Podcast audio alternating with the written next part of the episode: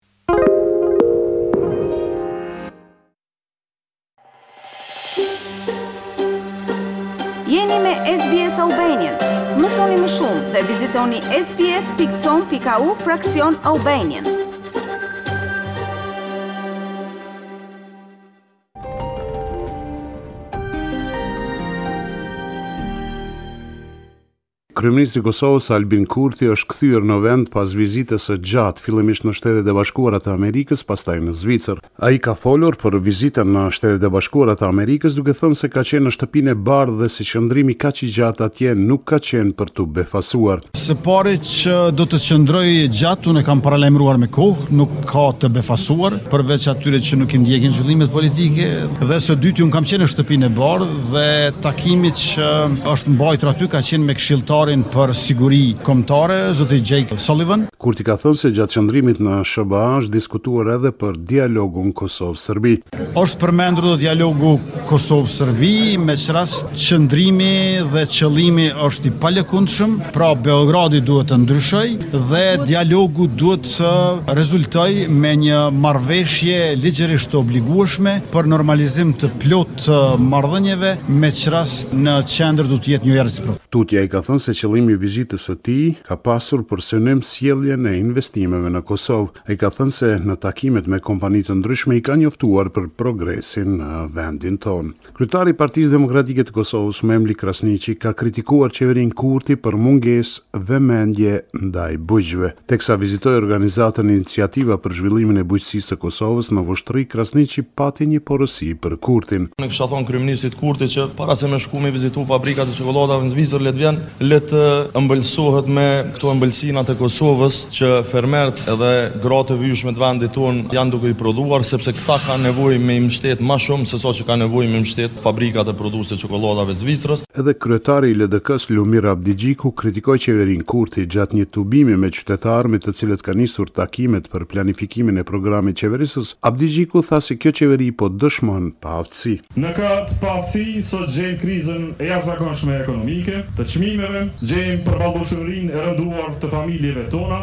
gjejmë refuzimin e projekteve të mëdha kapitale investive në Kosovë, siç dhe gjejmë zymtësinë qeverisëse në politikë të brendshme e të jashtme pa dallim. Mazhoranca dhe opozita janë përplasur në seancën e Kuvendit të Kosovës për çështjen e tarifave të energjisë elektrike dhe për tërheqjen e mjeteve nga Trusti Pensional. Opozita kërkoi shkarkimin e Bordit të ZRRE-së dhe lejimin e tërheqjes së mjeteve nga Trusti. Opozitarët madje vendosën në ulëset e ministrave pankarta me mbishkrimin Voto për Trustin. Shumica parlamentare nuk e ka mbështetur këtë kërkesë dhe këtë e arsyetoi deputeti i Vetëvendosjes, Armend Muja. Kërkesa për Trustin e ka qëllim që të përfitojnë gjashtëdhjetë mijë qytetarë, kryesisht shtresa të pasura të shoqërisë. Pra, janë bo disa milionera këtu që kanë qenë në pushtet që një dekadë, tash ju ka shtrajtu rryma edhe po ankohen vilat edhe veturat e shtrejta, le t'i financojnë vetë.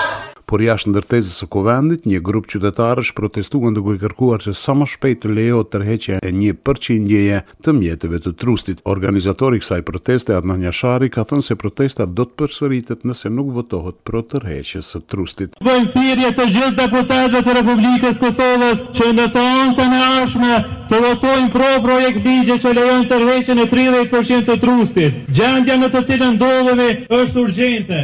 Kryetari i Kievit, Vitali Klitschko, në margjina të Forumit Ekonomik që u mbajt në Davos të Zvicrës, ka falënderuar Kosovën për solidaritetin me popullin e Ukrainës. Klitschko në një intervistë për gazetën shqiptare në Zvicër, Le Canton njëzet e shtatë, ka thënë, Faleminderit Kosovë, faleminderit shqiptarë, pasi ju u çliruat nga Serbia, edhe ne do të çlirohemi nga Rusia. Ish-kampioni botëror në boks shpreson që një ditë Ukraina do t'ia kthejë me të mira Kosovës mbështetjen që ka dhënë për të. Kjo deklaratë e Kliçkovit ka zgjuar reagime të ashpra në Serbi, ndërsa që sot, sipas mediave serbe, ekipi i Kliçkovit po e përgatit një reagim kinse për të pavërtetat e thëna nga portali shqiptar në Zvicër. Katër qytetarë kanë rezultuar pozitiv me Covid nëntëmbëdhjetë në njëzet e katër orët e fundit nga treqind e nëntëdhjetë e dy testime sa janë bërë, kështu ka njoftuar Ministria e Shëndetësisë.